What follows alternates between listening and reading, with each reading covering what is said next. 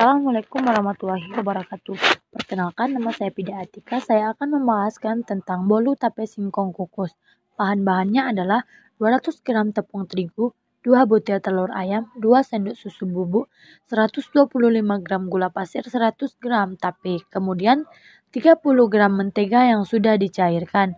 Kemudian 1 setengah sendok ragi dan 100 ml air hangat. Alat-alatnya adalah baskom, kain lap, kompor, panci kukus, penyaring, pisau, sendok, garpu, cetakan bolu. Kemudian langkah-langkahnya adalah campur bahan biang, aduk, diamkan selama 1-10 menit.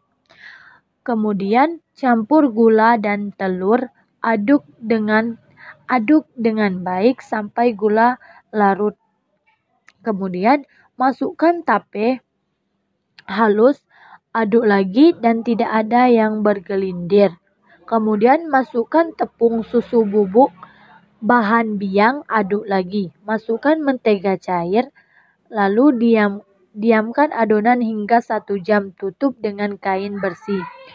6. Panaskan dandang, jangan lupa tutup tutup dikasih serbet biar air tidak mengenai adonan.